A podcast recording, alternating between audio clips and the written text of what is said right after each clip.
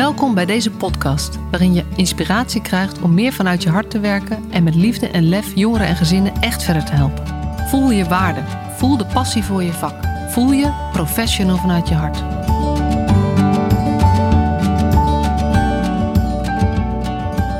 En hij wordt nu opgenomen, dus leuk dat je weer luistert. Vandaag ga ik in gesprek met iemand die ik nog niet zo heel goed ken. Maar uh, waar, we hebben net een klein voorgesprekje gehad en uh, we buitelden al over elkaar heen met alle ideeën en uh, gedachten. Bettina Simdoorn, welkom. Um, Dank je. De eerste vraag die ik altijd stel aan iedereen die te gast is in deze podcast: Ben jij een professional vanuit je hart? Ja, ik luister je podcast, dus ik weet dat dat je eerste vraag is. En ik heb er even over nagedacht, want ik ben een mens wat probeert te leven vanuit haar hart. Een professional, dat weet ik niet. Uh, ik werk wel als vrijwilliger in, uh, in de zorg en in de, met de jeugd. Maar ik uh, streef naar alle, in alle rollen die ik heb, streef ik ernaar om het vanuit mijn hart te doen. En, en, dus, wat, maakt dat, en, en, wat maakt dat voor jou, wat betekent dat voor jou, het vanuit je hart doen? Hoe vertaal je dat? dat ik liefde inzet als drijvende kracht. En dat ik. Uh, uh, ik heb jaren in mijn hoofd gewoond. En dan is het meestal de angst die regeert en uh, de onzekerheden die regeren. En nu ik de weg naar mijn hart heb gevonden, weet ik dat ik vanuit liefde veel krachtiger en veel slimmere en veel betere beslissingen neem voor mezelf. En voor anderen en voor, voor hoe ik in het leven sta. Dus als ik leef vanuit mijn hart, dan leef ik vanuit de, ja, de kracht van de liefde. Ja. ja. Dat is wel mooi. Dat is ook wel zo'n tegenstelling die ze zeggen. Liefde en angst kunnen niet tegelijkertijd bestaan. Nee, dat klopt. Dus uh, uh, en, en liefde en angst, of uh, ook wel wat is het, overvloed en tekort, zeg maar. Dat is een beetje dezelfde verschil. Van leef je vanuit overvloed, vanuit liefde, er is altijd genoeg. Ja. Of vanuit angst voor tekort, we moeten het verdelen, opletten. Um, en dat wordt, ja, dan, dan krijg je een heel andere dynamiek. Ja, en het is natuurlijk, uh, het blijft natuurlijk altijd een uitdaging. Maar dat is dan ook, dan kan je dus kiezen voor jezelf kwijtraken. Of inderdaad die liefde vastgrijpen. En dan, ja, dat, dat helpt mij er al steeds doorheen. dus dat, uh, ja. Ja, mooi. Ik, ik kijk hier naar jouw achtergrondje en daar staat ook uh, Benry. Dat is de naam van je bedrijf volgens mij, hè? Ja, dat klopt. en daar staat een achter, simpel samenwerken met hoofd en hart. Ik vind het echt een subliem tekentje. Je ziet een, een plaatje van een hartje met handjes en voetjes. En van hersenen met handjes en voetjes. En die geven elkaar een hand. Ja, en het hart loopt voorop en, neemt het uh, hoofd mee. Ja. Oké, is dat hoe jij het ziet? Het hart loopt voorop? Ja, ja. Uh, ik heb, uh, eerst was er alleen een hoofd. en het hart zat goed weg verstopt. En toen ik het hart heb gevonden bij mezelf, dat ik de ruimte gaf om ook op die manier naar het leven te kijken, toen uh, uh, merkte ik dat als ik mijn hoofd er niet bij hou, dan kom ik er ook niet in het leven. en ik moet natuurlijk wel gewoon uh, slim blijven nadenken. Je hebt bepaalde verantwoordelijkheden in het leven. Je hebt allerlei zaken die je ook gewoon moet regelen. Dus, maar dan wel in verbinding met mijn hart. Dus ook niet met ten koste van mezelf of ten koste van anderen. Maar zo zie ik het, ja. Ah, ah mooi. Ja, ik heb je als gast uitgenodigd omdat jij... Um, uh, dus als vrijwilliger betrokken bent bij, ik noem het even de eigen krachtconferenties in Den Haag. En in Den Haag heet het eigen toekomstplan.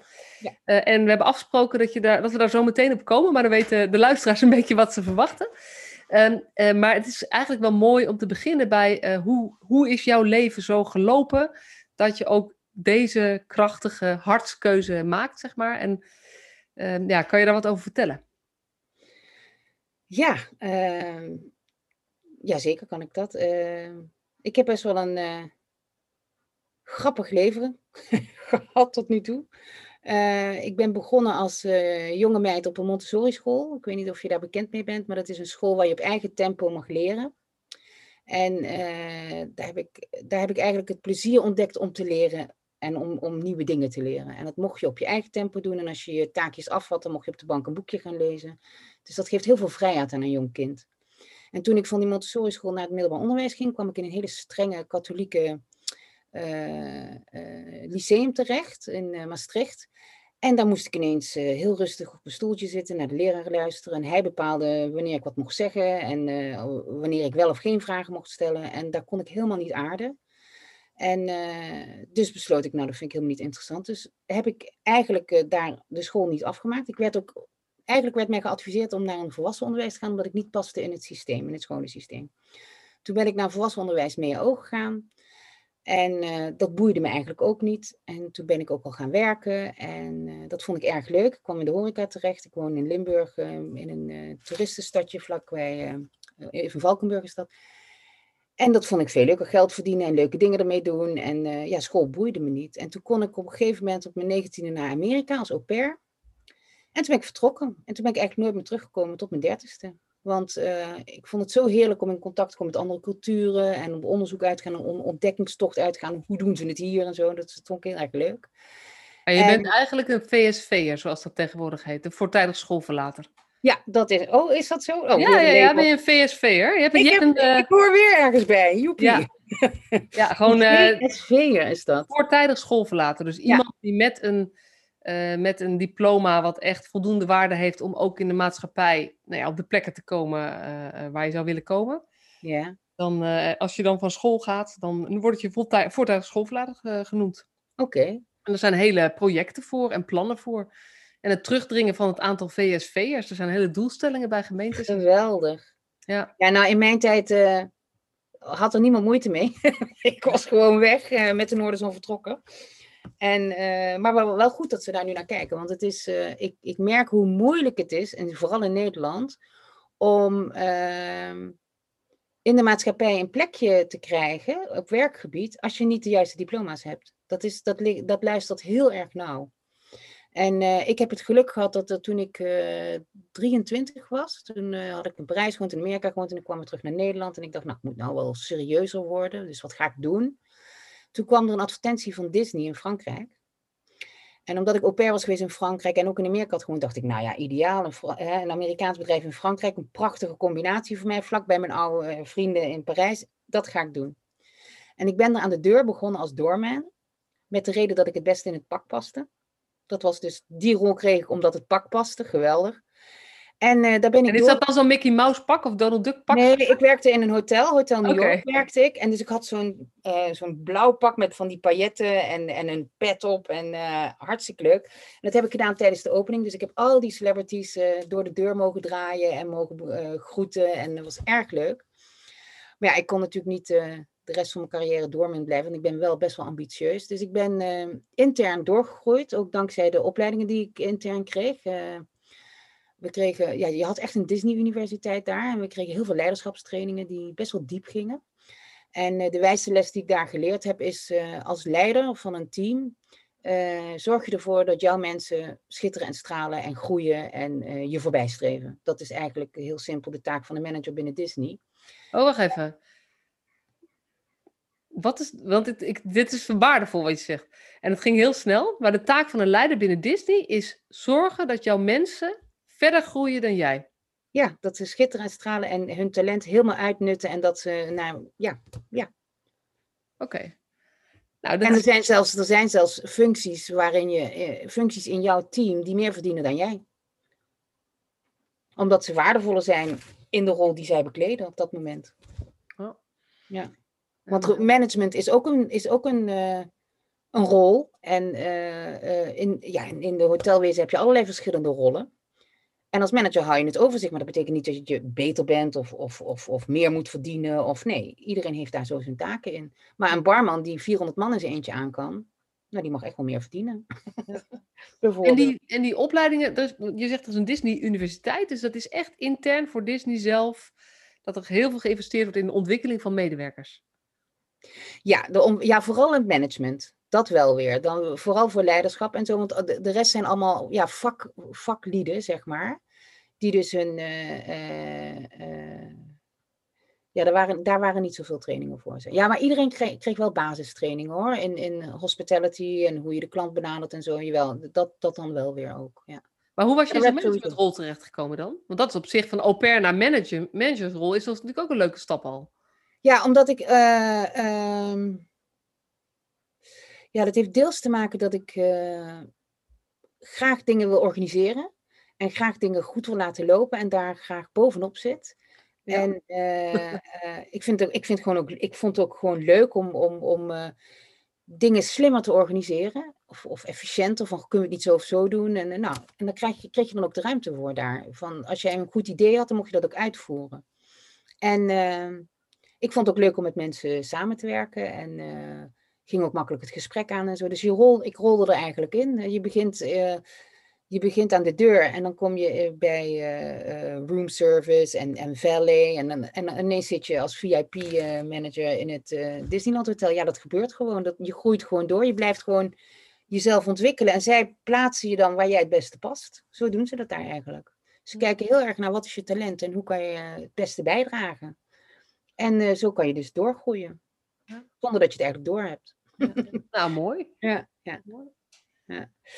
Dus dat heb ik uh, tot mijn dertigste met heel veel plezier gedaan. En uh, door persoonlijke omstandigheden kreeg ik ineens enorme behoefte om terug naar Nederland te gaan.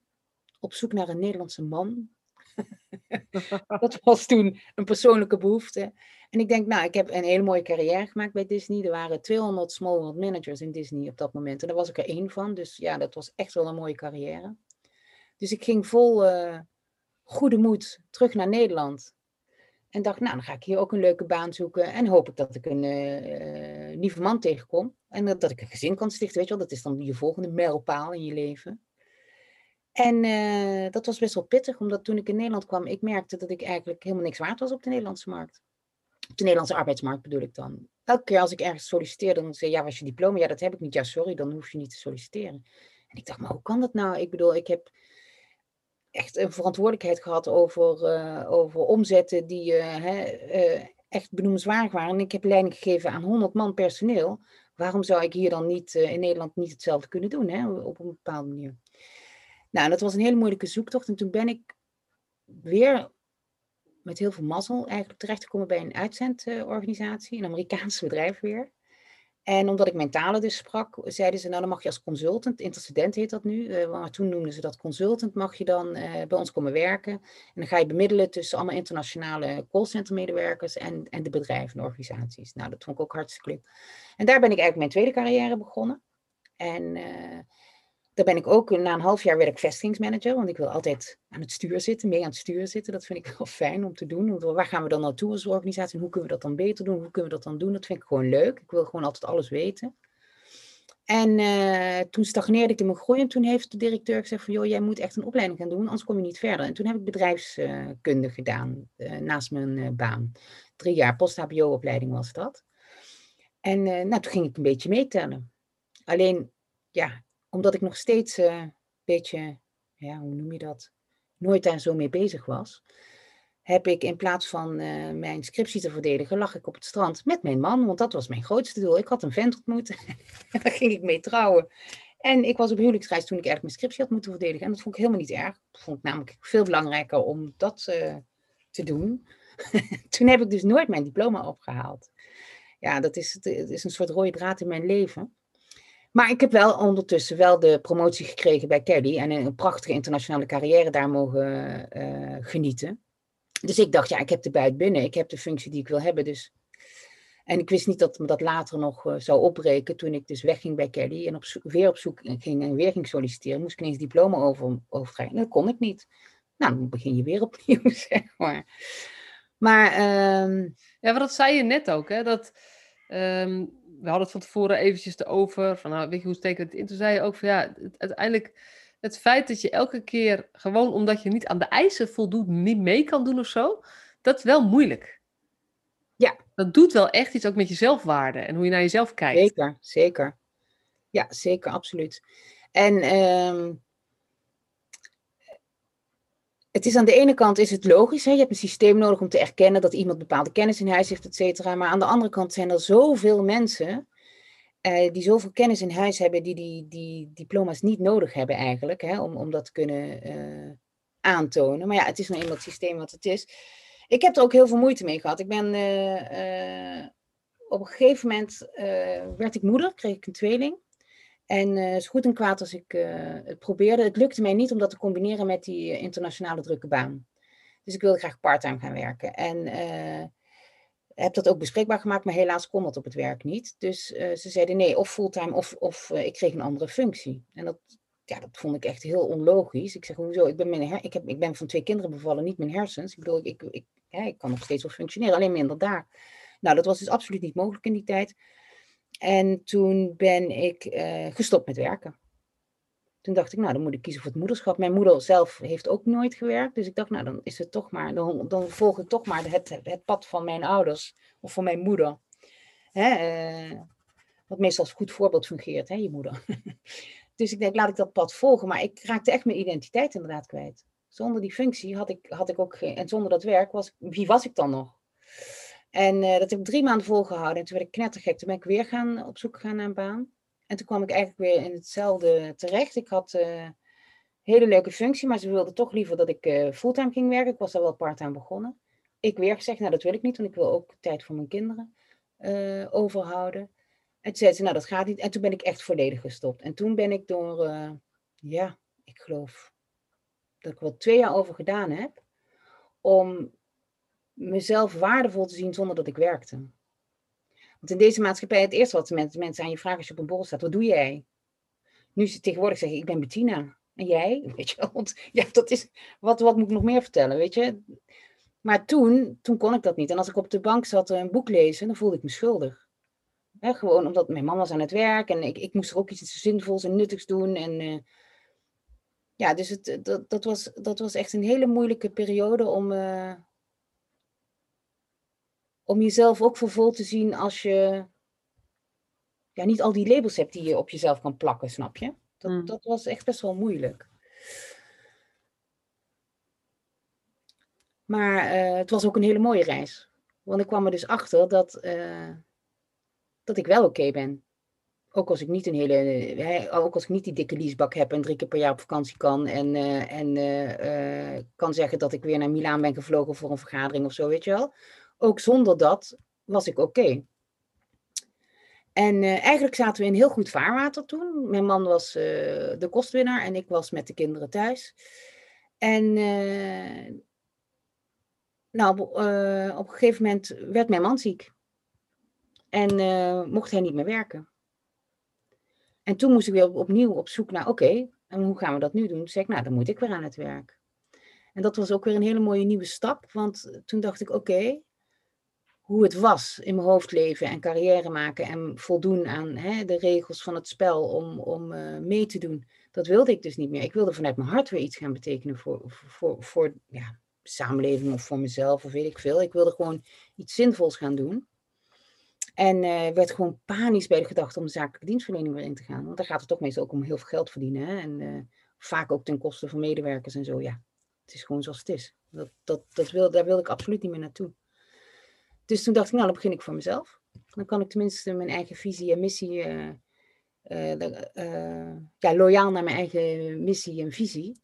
En loyaal naar wat ik wil betekenen in deze wereld. En dan hoef ik me niet meer te conformeren aan, aan ja, bepaalde gedragingen die nou eenmaal horen bij hè, voor een bedrijf werken of zo. En nou, dat is ook een hele leuke reis als zelfstandige ondernemer. want wat, doe je dan? Nou, en als mensen me nu vragen wat ik doe, dan eh, zeg ik ook van ja, ik weet nog niet wat ik ga doen als ik later groot ben. Maar wat ik wel zeker weet is alles wat ik doe, dat doe ik echt met heel veel liefde en overgave, omdat ik uh, denk dat het zinvol is voor mij vanuit mijn uh, perspectief dan. Ja.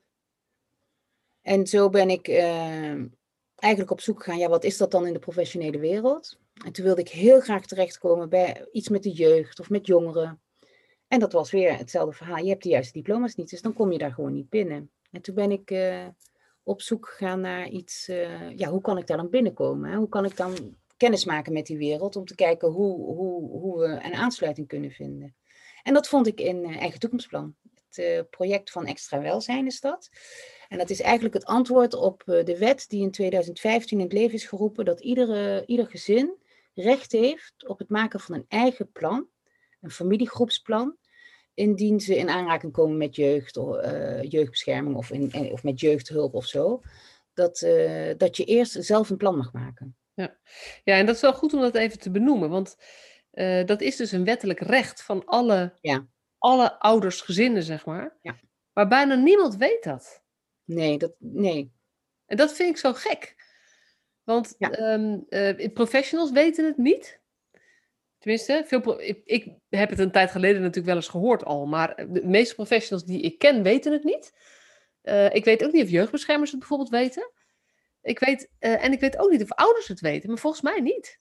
Nee, nee, het is echt, ja, het is gewoon een, een, een, een het is wel opgenomen in de wet, dus we zouden, elke burger zou dat moeten weten, maar we weten allemaal wel dat de wet hè, niet bij iedereen helemaal bekend is.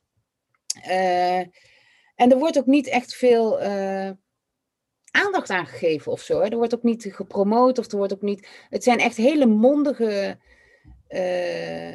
zelfbewuste mensen hè, die, die echt opkomen, die, die, die dan zeggen: hé, hey, maar wat is mijn recht? Hè? En dan is het eigenlijk de taak van de gemeente om, om mensen daarvan op de hoogte te stellen ook, hè, dat je dat recht hebt. Maar ja, waarom dat niet gebeurt, ik, ik, ik, ik begrijp het ook niet. Nee. Ik begrijp het ook niet. Want, maar het is uh, dus goed uh, dat iedereen die nu luistert, zich het even. Uh, ook eens gaat, misschien is het leuk om, om eens na te vragen in je eigen gemeente, of bij je eigen organisatie. Um, hoe zit dat met het familiegroepsplan in jouw gemeente of, ja. of binnen jullie organisatie? Want eigenlijk, want wat jij vertelde, en ik, jij weet volgens mij net iets beter hoe het zit dan ik. Wat ik begrepen heb, is als je als gezin, familie te maken krijgt met jeugdzorg, dan um, heb je het recht om een eigen plan te maken voordat anderen een plan voor jou maken. Ja, dat klopt. En dat betekent, maar, maar betekent het ook dat als je dat nog niet gemaakt hebt en je komt er pas later achter, dat je dan alsnog dat recht kan? Dat je nog kan zeggen, hé, hey, maar wij hebben nog geen eigen plan gemaakt, dus um, uh, zullen wij, uh, wij willen dat nog steeds graag? Ja, ik weet niet zozeer of dat uh, wettelijk ook zo is afgekaderd. Maar dat hangt er inderdaad helemaal van af of je dat, of je dat recht nog mag toe-eigenen of niet. Dat, ik weet eigenlijk niet of dat uh, helemaal gekaderd is in de wet. Het is namelijk wel voorgekomen dat mensen zeggen: Ik wil echt nog mijn eigen plan maken. En dat daar wel de ruimte voor is gegeven. Dus, uh... ja, nou ja, en ik zou, uh, ik ben er, nou ja, als je lang, vaker naar deze podcast luistert of mij op een andere manier kent, dan weet je dat ik een heel groot voorstander ben van dat hoe meer we aansluiten bij plannen van mensen zelf, ja. Uh, en hoe belangrijker we de mensen maken die uiteindelijk zo'n hele leven bij elkaar blijven horen, um, hoe meer we ook kunnen helpen. Want dan nou, kunnen we hen helpen in plaats van dat wij bedenken wat zij moeten doen. En dat werkt namelijk niet in mijn nee. beleving. Dus ik zou echt, uh, nou ja, luister zo meteen naar Bettina verder, maar ga het ook eens vragen in je organisatie en in jouw gemeente. Want, uh, ja, want dit werkt geheel vanuit het perspectief van het hele gezin en hun eigen netwerk. Want uh, het is heel fijn en het is ook prachtig dat er heel veel uh, professioneel netwerk is voor mensen die uh, hulp nodig hebben. Dat is natuurlijk op zich wel mooi, maar dat is een komen en gaan. En die mensen, hun leven gaat door. En als je komt en weer gaat, dan valt er soms ook vaak een gat weer. Terwijl als je een plan opstelt met hulp van het eigen netwerk, dat is altijd al om ze heen en zal ook niet zo gauw verdwijnen. Dus dat blijft ook altijd bij ze. En die ervaring die je dan met hen deelt door dat plan al één keer te hebben gemaakt, dat neem je dus mee in dat hele persoonlijke netwerk. Ja. Het is prachtig om te zien dat, dat ja, mensen gaan elkaar gewoon uh, ondersteunen. Ja, maar wat wij ook onbewust, onbe, niet zozeer onbewust, wat wij onbedoeld doen, wij nemen verantwoordelijkheid over van mensen. En daarna willen ze dat ze het weer terugnemen. Ja. Maar ja, en, en vervolgens ja. zijn wij eigenlijk een beetje geïrriteerd dat, die, dat, dat bijvoorbeeld ouders of opa's en oma's het laten afweten. Maar ik zeg altijd, ja, wij, hebben, wij hebben dat zelf veroorzaakt. Ja. Door zelf te doen alsof wij het probleem kunnen oplossen. Terwijl we dat natuurlijk helemaal niet kunnen ook. Ja. Dus, uh, en ik ben wel benieuwd... en nog, een, nog iets belangrijks wat ik merk, is dat Weet je, um, als jij heel veel ervaring hebt met hulpverlening hè, en, en, en zorgverlening met een bepaalde doelgroep of zo, en je komt dan weer zo'nzelfde persoon tegen, dan weet jij al, dan kan jij vaak al heel, heel vaak bedenken van, goh, dan moeten ze door die fase en moeten ze die stappen zetten, en dan ben je al twintig stappen verder. En dat is prachtig inzicht, alleen dat gezin is daar nog niet. En uh, alleen dat gezin kan die eerste stap zetten en die tweede stap zetten. Dat kan je ook niet voor ze doen. Dus dan soms dan, dan wil je ze echt mee gaan slepen van ja, maar je moet echt die kant op. Maar voordat, als de mensen nog niet beseffen dat ze überhaupt in beweging moeten komen, dan gebeurt er ook heel weinig. Dan kan je zo een, trucje, een stukje meesleuren. Ja. Maar dan gebeurt er niks bij die mensen zelf. En het mooie is als de mensen zelf een keuze maken voor een beweging, dan, dan vanuit intrinsieke motivatie van ik wil iets doen en ik wil het veranderen, dan blijft het ook als de zorg weggaat. Snap je? En, maar dat is dan wel op hun tempo en dan is er wel iets waar zij op dat moment aan toe zijn. En misschien is dat pas het eerste kleine stapje, terwijl de, de, de hulpverlener is al 40 stappen verder. Ja. Dat, dat zie je ook heel vaak. Ja, ja het, is, het is een soort van botsing, bijna. Wil je het um, efficiënt? Zo zeg ik het wel eens. Efficiënt is namelijk wij weten wat de snelste route is. Dan teken, zet ik A en B. Wij weten wat de snelste route is. Dus dat is van A naar B. Of kies je voor effectief. En effectief is volgens mij dat je de familie zelf zijn eigen route laat lopen. Die minder efficiënt lijkt in eerste instantie. Maar waarbij uiteindelijk wel duurzame verandering is. En zij komen op een plek waar ze zelf willen komen. Dat is de belangrijkste, Masja. Ze komen op een plek waar ze zelf willen komen. Want dat is ook vaak een valkuil. Dat, mens, dat, dat, dat je vanuit echt de mooiste uh, intenties, hè, dat, dat, dat, is niks mis mee, heb je de mooiste dromen voor een ander. Maar als dat niet aansluit bij wat die persoon zelf wil, dan heeft het helemaal geen zin om voor hen te dromen. Dat heeft echt geen zin. je, het enige wat zin heeft, is op zoek te gaan naar wat is jouw droom of wat is jouw, waar wil jij naartoe? En als, als, als, jij je daar, uh, uh, als jij je daar goed bij voelt, kan je hen daarin helpen en begeleiden en, en, en een stukje meelopen. Maar ja, ik, uh, ik heb heel veel organisaties begeleid bij transities, et cetera. En dan, dan krijg je ook vanuit directie de opdracht dat er een verandering moet doorvoeren. En dat, dat werkt niet als het niet vanuit de intrinsieke motivatie van de medewerker zelf gaat. En dat, dit geldt ook voor eigen toekomstplan vraagstukken als het vraagstuk al niet komt vanuit de persoon zelf en de oplossing niet, ja, dan, dan kunnen we best wel mooie dingen denken te doen, maar dat, dat beklijft ook niet. En dat is waar ook hulpverleners natuurlijk op stuk lopen, want het voelt als trekken aan een dood paard. Dat jij harder werkt dan degene om wie het gaat. En dat klopt ook. Maar, maar ja, het komt onder andere, voor een heel groot deel vaak, omdat je werkt aan jouw plan. Ja. Dan hoef je dan niet per se niet jouw plan te zijn, maar gewoon het plan van de hulpverlening. Ja, en het, en, en het is ook heel moeilijk, hè? want ik heb wel eens een, een, uh, een uh, familie die ik ondersteun bij Eigen Toekomstplan. En is het de bedoeling dat zij zelf aangeven met wie ze in gesprek willen, et cetera. En op een gegeven moment, dan haken ze weer af. En elke keer dan denk ik, oké, want ik wil dan ook heel graag verder. Dat is ook logisch, dat is ook menselijk. Hè? Van, goh, je wil ze zo graag helpen en jij ziet al voor ze wat, wat, wat, wat, het, hè, uh, wat de oplossing kan zijn. En, en toch moet je dan weer loslaten, want dan zijn ze er gewoon nog niet aan toe. Dan is die, dan, dan is die persoon er gewoon nog niet aan toe om die stap te zetten. En dan kunnen wij dat wel heel graag willen, maar ja, dat is toch ook een proces waar ze zelf doorheen moeten. Ja, dus het gaat heel erg over ehm, hoe, hoe lang mag iemand regie over zijn eigen leven houden? Uh, ja. Zeker als je ziet dat het mooier kan. Ik, ik zeg wel eens van, van we, het, het feit dat jij iemand een mooier leven gunt, is geen reden om in te grijpen. Nee, dat is heel egoïstisch. Ja, ja maar dat is wel wat heel vaak gebeurt. Want, en dat is precies wat jij net zegt. Weet je, we zien dan al voor ons, weet je, als, als ze nou dit en dit zouden doen, dan hebben ze het zoveel beter samen. Ja, maar dat is wel hoe wij het zien. En als zij er nog niet zijn, op het moment dat we dat dan toch gaan doen, dan overrule je ze. En dan een grote kans dat het in ieder geval niet beklijft, of, ze, of ze worden er boos van, of er gebeurt van alles wat je niet wil. Ja. Nou, dat, dat zie je ook vaak gebeuren, dat je je eigen waarde oplegt bij een ander. Hè? Terwijl zij misschien van hele andere uh, ideeën en, en, een heel ander gedachtegoed hebben, waarbij die waarde helemaal niet aansluit. En daarom vind ik, dat vind ik ook zo mooi bij Eigen Toekomstplan, gaat het om de pure verbinding met elkaar. Je creëert een veilige omgeving. En wat je doet is. Uh... Ja, want even, het is Um, uh, het is gebaseerd op de eigen krachtconferentie. Hè? Want die ja, dat klopt. Wij krijgen training van de eigen krachtcentrale. En die, die We doen het al jaren en jaren. En uh, die hebben ons ook getraind uh, om op hun manier, zeg maar, ook een eigen toekomstplan bijeenkomsten, zo noemen wij dat dan, te organiseren. En wat we doen is, degene die de hulpvraag heeft, hè, die graag daar ondersteuning bij wil, dan treden we op als facilitator. Dus we bemoeien ons ook helemaal niet met de inhoud. Daarom is het ook zo fijn dat je niet met zorgmedewerkers werkt, maar want dat is best wel moeilijk om bij de inhoud weg te blijven, hè, als je er heel veel verstand van hebt. Maar ik heb bijvoorbeeld geen kaas van gegeten van alle, hè, alle verschillende zorgen. En ik heb die opleiding dus ook niet gehad. Dus ik kan me ook echt heel gericht bezighouden met uh, het faciliteren van het proces. En wat we doen is, we brengen eerst de vraag in kaart van waar zou je graag ondersteuning bij willen. En hoe creëren wij een veilige omgeving waarmee jij dat met mensen kan bespreken. Maar mag ik even vragen? Wij brengen de vraag in kaart. Ja. Maar in jullie geval vragen jullie gewoon aan de mensen wat willen jullie voor hulp hebben? Ja. En het is niet dat jullie actief op zoek gaan, wat is de vraag? Dus, dus wat is er aan de hand? Nee.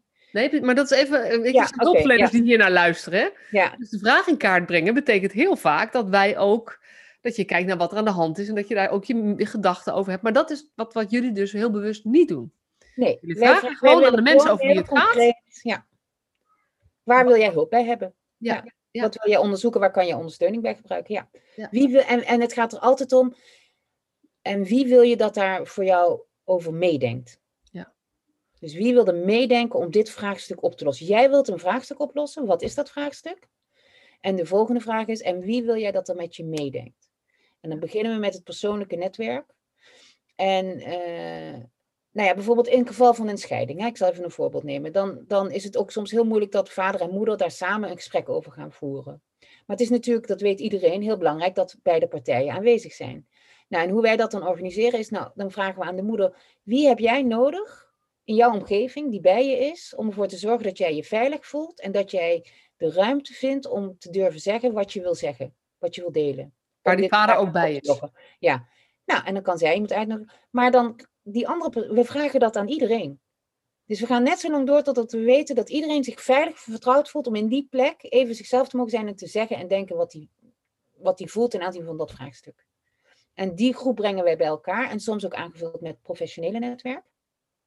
Want die kunnen dan weer inbrengen wat zij zouden kunnen betekenen om die vraag op te lossen.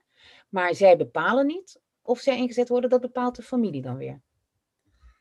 En hoe gaat dat dan bij jeugd? Heb je ook met jeugdbescherming te maken gehad? Ja. Want dan is het natuurlijk, ehm, eh, er zijn een soort van bodemeisen of, of veiligheids. Ja. Klopt. En ja, in dat geval, eh, zij beginnen ook altijd, de professionals beginnen ook altijd. En als er een kader ook is, dan wordt dat kader ook benoemd. Ja. Hè, want dat, dat, dat is dan een, ja, een, een verplicht kader waarin we dan het plan moeten opstellen. Ja, dus dat kan bij wijze van spreken betekenen eh, dat, ehm, nou ja, even een, een situatie, dat er eh, alle mogelijkheden zijn voor een plan, maar dat deze vader niet alleen thuis mag zijn met zijn kinderen, omdat er risico is dat hij te veel drinkt, bijvoorbeeld. Als, de Als kinderen dat het kader is, ja, absoluut. Ja, Als dat het kader is, dan wordt dat eigenlijk aan de familie meegegeven. Ja. Dit, zijn, ehm, dit is niet onderhandelbaar. Ja. Jullie mogen een eigen plan maken, maar dit is wat er in ieder geval in Dit moet zijn de kaders, ja. Oké, Nou, nou moet ik zeggen dat wij in Den Haag, kijk, in eh, de eigen krachtcentrale, eh, die, die hakt al heel lang met dit bijltje en die doet ook echt de moeilijkere casussen, zeg maar ook, hè, waar ook eh, eh, inderdaad al meerdere gedwongen kaders bij komen kijken. In Den Haag eh, zitten wij vooral veel meer in het, in het, in het voorliggende veld, zeg maar, dat je dus echt preventief aan de slag gaat, hè, voordat het escaleert naar daadwerkelijke hulp. Dus daar is wel enig onderscheid in. Ja, ja. ja. Maar het kan in beide gevallen, wordt, het ingezet, wordt, het, wordt de manier van bij elkaar brengen wordt ingezet. Ja. En kan je nog eens wat meer over vertellen? Of, want je, bege- je begeleidt het ook zelf, hè? Deze, eh, jij bent zelf facilitator. ja, je faciliteert het gesprek. Dus eh, wat we doen is, eh, we brengen de vraag in kaart. Dan stellen we samen met degene die de vraag heeft gesteld, stellen we een lijst op met mensen die die, die graag aanwezig ziet. Die, daar gaan wij ook contact mee leggen om uit te leggen wat, wat de bedoeling is. En dan brengen we die mensen bij elkaar. En gaan eh, zij het gesprek aan. En op een gegeven moment, als iedereen, eh, als alle professionals hè, die erbij betrokken zijn, hun verhaal hebben verteld, dan gaan en de professional en ik gaan weg. En de mensen die overblijven, dus het, het, het, eh, ehm, het persoonlijke netwerk, die gaan met elkaar het plan opstellen. Zonder professionals erbij. En daarna komt de facilitator weer terug. En die kijkt samen naar dat plan om te kijken, is het smart, is het duidelijk, is het eh, voor iedereen ook, eh, hè, is, eh, stemt iedereen ermee in? En dan, en dan sluiten we het eigenlijk af. En eigenlijk is de taak is daar ook mee afgerond. Dan is het ook klaar. En dan nemen wij nog één keer contact op met het gezin om te kijken hoe het gaat. En dan zouden ze, als ze bijvoorbeeld nog weer een vraag hebben, dan zouden ze een volgende eigen toekomstplan eh, conferentie weer kunnen inzetten. En ik moet ook zeggen dat soms gezinnen zeggen van kun je er alsjeblieft bij blijven. En dat kan ook. Dat heb ik ook wel gedaan. Ja.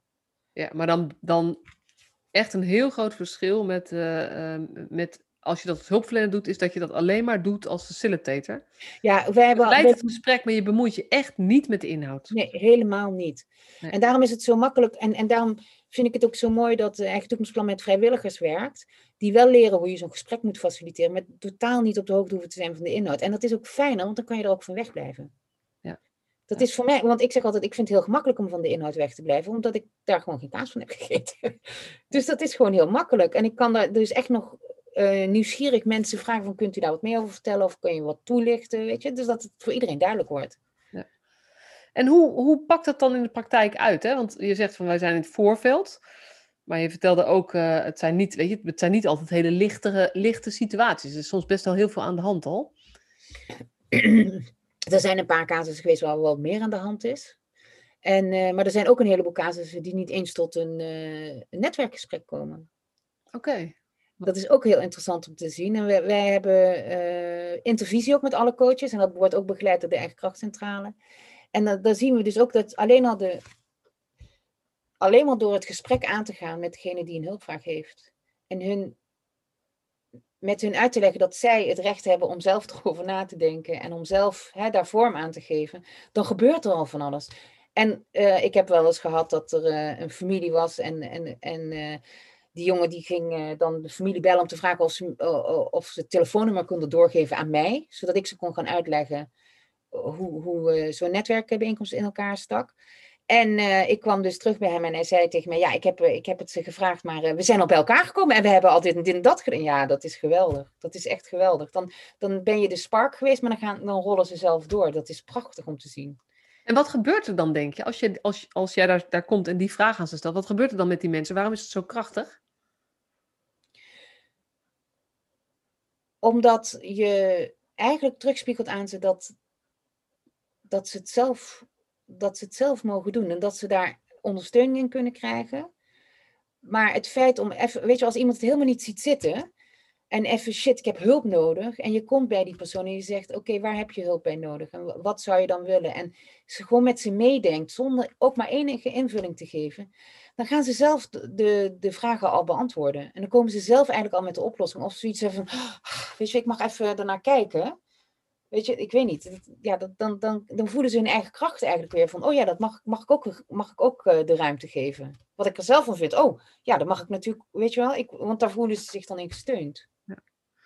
Dat ja, zie ik vaak gebeuren. Ik heb toen was een dame ook en die, die zag het even helemaal niet meer zitten. Die zat met heel veel kleine kinderen en uh, uh, ook met een man waar ze, waar ze heel veel moeite mee Ze zat er gewoon echt helemaal doorheen. En ze verwachtte eigenlijk, denk ik, stiekem, dat wij het wel even gingen oppakken we gingen het wel even oplossen. Maar ik kwam daar dus en ik ging haar dat dus uitleggen. En zei, oh, moet ik het allemaal zelf doen? En toen zijn we daar gewoon over in gesprek gegaan. En nou, aan het einde van het gesprek had ze zoiets van, ja, ik voel me alweer een heel stuk beter. En toen hebben we daarna nog een afspraak gemaakt. En toen zei ze, nou, ik heb dit en dat gedaan en ik heb dit gesprek uh, gevoerd met een buurvrouw en die heeft een zoon, weet je. En toen is ze zelf al in de actie gekomen. Want dat vinden mensen ook spannend, hè, hulpvragen. En als ze dat dan één keer gedaan hebben en ze merken dat er dan helemaal niks gebeurt en dat je je niet hoeft te schamen, dat er dan gewoon iemand komt hè, die gewoon even naar je luistert, dat geeft al zoveel ruimte. Maar heel vaak, waar ik ook van geschrokken ben, ik was een keertje bij een dame eh, die had een, uh, ook uh, gevraagd van echt toekomstplan, dachten we, maar dat was eigenlijk via een gezinshulp gegaan. En toen belde ik haar om afspraak te maken om te langskomen. Ze zei, ja, er komt nog een vrijwilliger. Ik zeg, wie is dat dan? Ja, dat weet ik eigenlijk niet. Ik denk, oh, oké. Ik zeg, zal ik dan op hetzelfde moment komen? Misschien kunnen we iets voor elkaar betekenen. En toen uh, kwam ik daar, net iets later. En toen had die persoon die daar zat, vanuit haar rol en haar aanbod, al van alles geregeld voor die moeder. Ze had namelijk een, een uh, gehandicapt kind. En ze maakte zich zorgen dat als er iets met haar overkwam, wie haar dan zou ondersteunen met dat kind. Maar die dame, die andere vrijwilliger die daar zat, die had een rusthuis waar dat kind af en toe kon, logeren. Dus de hulpvraag werd, de hulpvraag was eigenlijk van hoe kan ik uh, iets organiseren zodat als er iets met mij gebeurt dat mijn kind wordt opgevangen. Vertaald door de andere vrijwilliger of door een andere zorginstantie van nou wij hebben een uh, mogelijkheid om je kind te laten logeren in het weekend. Dus dat is dan de oplossing. En ik schrok daar echt van. Dus ik ben daarna bij die dame blijven zitten. En ik zeg van, wat was nou precies je hulpvraag? Want ik ben verward. En toen zei ze, ja, ik vind het heel fijn hoor, dat mijn dochter daar ook kan logeren. Dat, dat geeft me heel veel ruimte, zegt ze. Maar dat lost mijn probleem niet op. Want wat gebeurt met mij als, als, als ik ziek word? Wat, wat gebeurt er dan met mij? Hoe moet ik dat... En weet je, dus dat, dat gebeurt ook vaak. Van echt op zoek gaan, wat is nou eigenlijk je vraag? Wat wil je nou eigenlijk precies? Dat is, uh, vind ik ook heel krachtig van Eigen Toekomstplan. We hebben namelijk geen aanbod. Nou, wat ik moet zeggen, je hebt geen aanbod en, je, en je beslist ook niet over aanbod. Want dus het is... Ja. Ik zit te denken aan keukentafelgesprekken, die natuurlijk ook bedoeld zijn om, om de hulpvraag te inventariseren. Ja. Maar wel met de gedachte erachter, oké, en wat gaan we dan aanbieden? Dus, um, en, en dit is vrij. Ja. Maar vrij, maar ook, um, jullie gaan ook gewoon echt niks doen. Nee. Dus dat is natuurlijk, uh, dit is voor een hulpverlener bijna... Nou, soms neem ik koekjes mee, hè, voor de bijeenkomst, voor de gezelligheid. Maar nee, we doen echt uh, verder niets. Je doet heel veel procesbegeleiding. Ja. Maar dat is het ook, zeg maar. Je gaat ook niet als er formulieren liggen. Ja, misschien vanuit de aardigheid in je mens zijn, zeg je. Uh, en die mevrouw zegt, joh, maar wat staat hier eigenlijk? zeg je gewoon, nou, dit, dit en dit staat er in deze brief. Maar misschien is dat een van de dingen die we mee kunnen nemen naar dat gesprek, zeg maar. Waar die je mee kan nemen. Ja, als die alles vanuit de vraag van die persoon waar we mee kunnen ondersteunen zonder dat we ons met de inhoud bemoeien, dat doen we. Ja, precies. Dus we bellen ook, we nodigen ook iedereen uit, we regelen de locatie, weet je wel, dat doen we allemaal. Ja. ja het is echt een facilitator. Ja.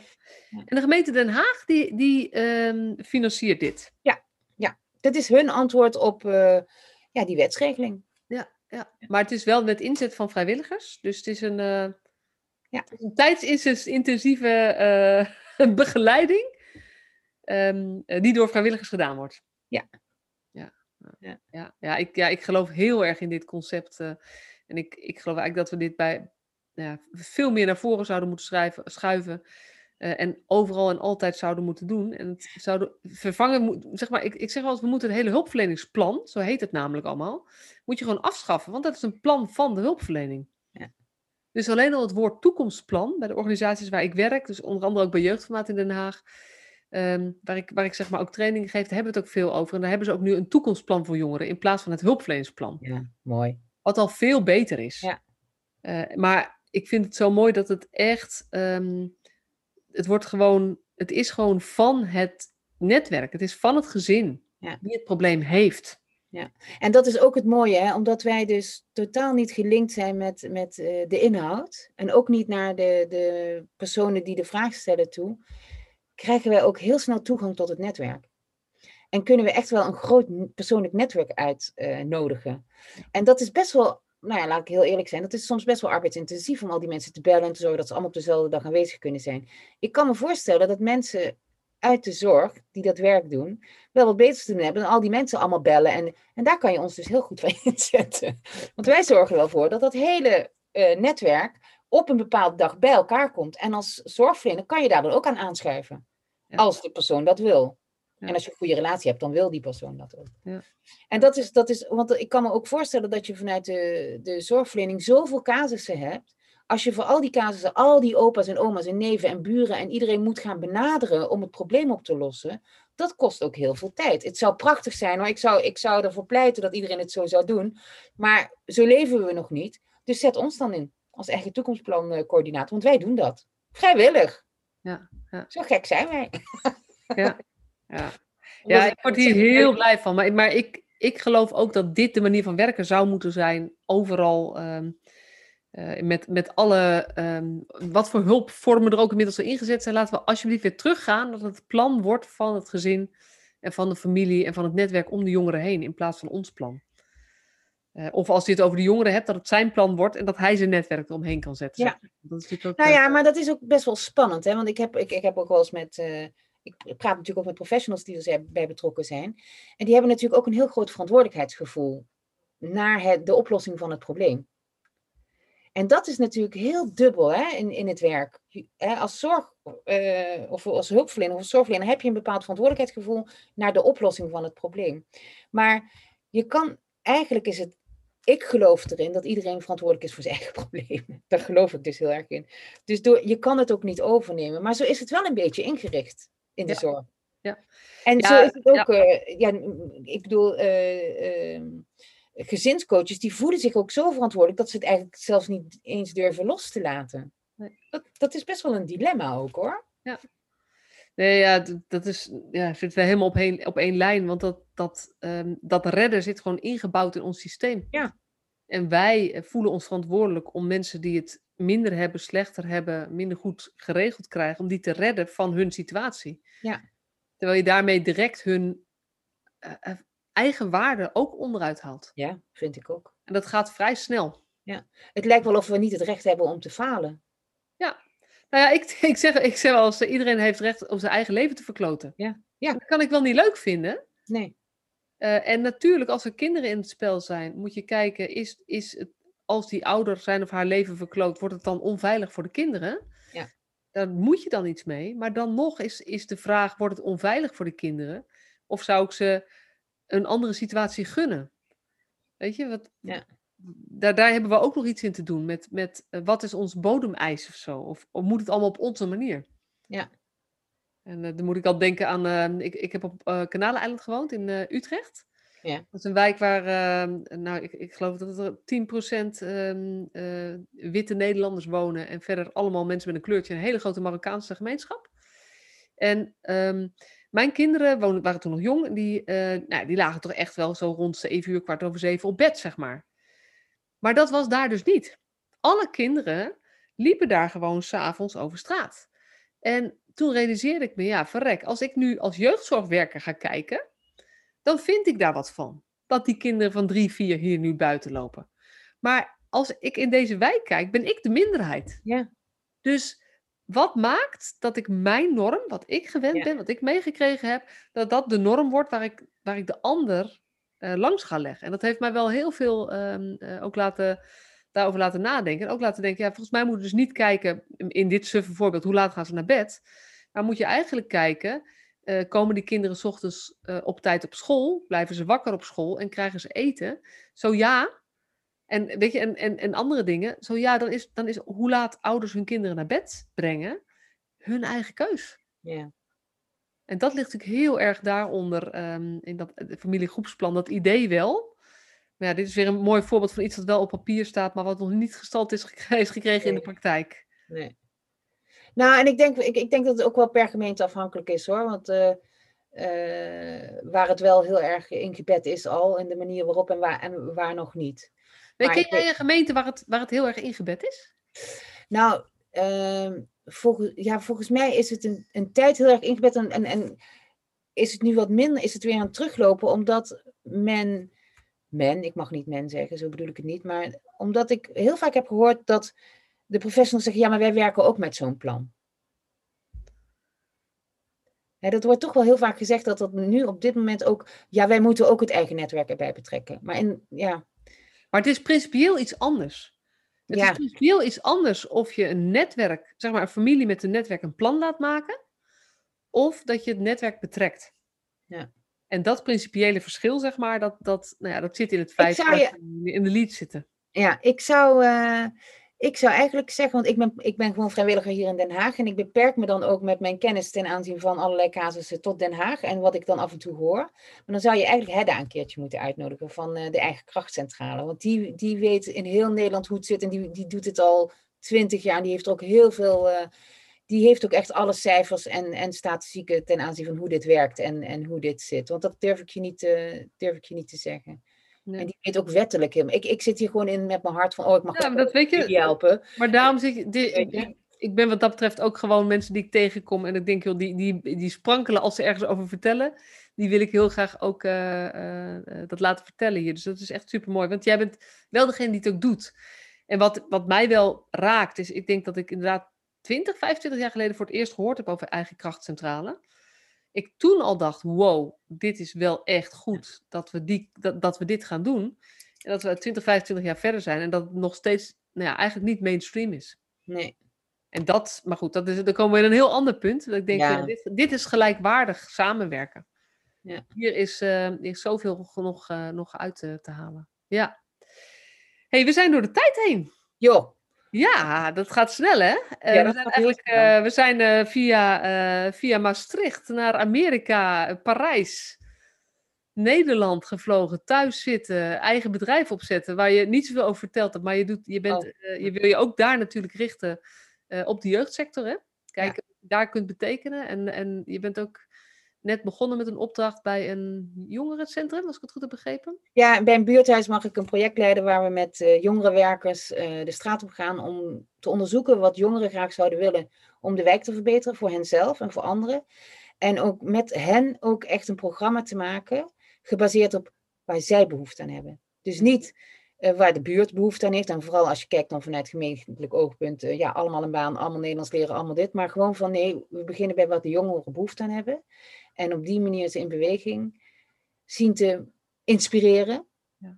En uh, dan mogen ze ook iets, iets, iets bij kiezen wat, wat ze gewoon leuk vinden. Al is het maar kickboksen of zo. Of maakt niet uit, ze mogen het gewoon helemaal zelf invullen. Ja, leuk. dus ja, en ik vond het voorbeeld zo mooi dat, dat er, er zijn wat gesprekken met de jongeren al geweest. En iedereen heeft het inderdaad over Nederlands leren en banen. En de jongeren noemden, we willen dan gewoon dat dit pleintje netjes is. Ja, we willen gewoon, het plein moet schoon. Dat vinden we heel belangrijk. En daar willen we ook aan bijdragen. Dat, uh, dat willen we ook organiseren. Ja. Nou ja, hoe mooi en is dat, dat? Is, dat, is, dat is wat er gebeurt als je echt ja. um, niet alleen uh, in eerste instantie luistert, maar echt diep blijft doorvragen en echt gaat luisteren van, maar wat willen jullie nou eigenlijk? Ja. En dan krijg je, kom je bij die motivatie. Ja, nou dat is sowieso de rode draad. Dat je je hart moet volgen, moet vinden, ja. maar ook moet aansluiten bij het hart van de ander. Want daar zitten bewegingsmogelijkheden. Ja. ja. En daar, daar vinden ook de mooie gesprekken plaats. Ja, ja helemaal waar. Hey, heel erg bedankt voor, uh, voor uh, dit gesprek. Ja, graag gedaan. En uh, ik wens je hele mooie, mooie gesprekken als facilitator bij de eigen kracht, nee, bij het eigen toekomstplan. Ik vergis me in de naam.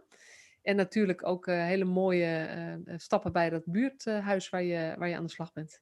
Ja, en ik zal nog even, want zelfs ik weet niet, dat is toch wel heel erg, maar als je eigenlijk het toekomstplan intikt en dan Den Haag, dan kom je wel op onze site terecht. Maar ik weet eigenlijk niet eens, want ik heb hem standaard in mijn computer staan, wat het echte adres is.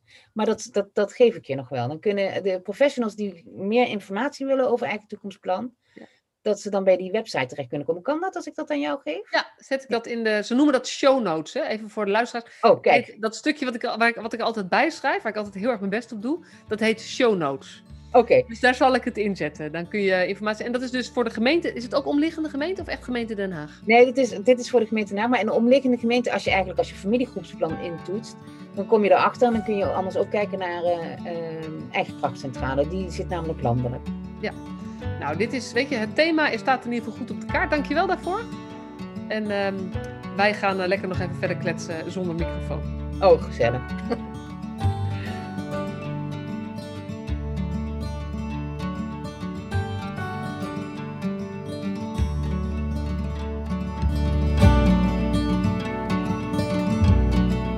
Superleuk dat je weer luisterde naar deze podcast. Dankjewel. Nog even kort een paar belangrijke dingen. Ten eerste, het is mijn missie dat de jeugdhulp weer een sector wordt waarin bevlogen, liefdevolle professionals jongeren en gezinnen echt verder helpen. Daarom maak ik deze podcast voor jou. Wil jij deel uitmaken van deze beweging van Professional vanuit je hart, waarin professionals elkaar steeds opnieuw inspireren? Begin dan met het lezen van mijn boek. Je kunt de eerste hoofdstukken helemaal gratis lezen. Ga naar professionalvanuitjehart.nl slash boek. Ten tweede, wil je alle podcastafleveringen overzichtelijk onder elkaar? Abonneer je dan op deze podcast. Klik in je podcast-app op de button subscribe of abonneren. En elke keer als er een nieuwe podcastaflevering gepubliceerd wordt, ontvang je automatisch een berichtje. Ten derde, ondersteun je mijn missie? Geef me dan een review via je podcast-app, bijvoorbeeld iTunes of Spotify. Op die manier kan ik nog meer professionals bereiken. En ken je een collega voor wie deze podcast ook interessant is? Dan zou het super zijn als je hem of haar de podcastaflevering doorstuurt. Bijvoorbeeld door de link te kopiëren via Spotify. Ik vind het altijd heel leuk om berichtjes te ontvangen van luisteraars om te horen wat je van een podcast vindt, of als je misschien vragen of suggesties hebt. Of als een aflevering je een bepaald inzicht heeft gegeven of er iets in beweging is gekomen. Stuur me dan even een berichtje op masha.professionalvanuitjehart.nl via de website of stuur me een connectieverzoek op LinkedIn.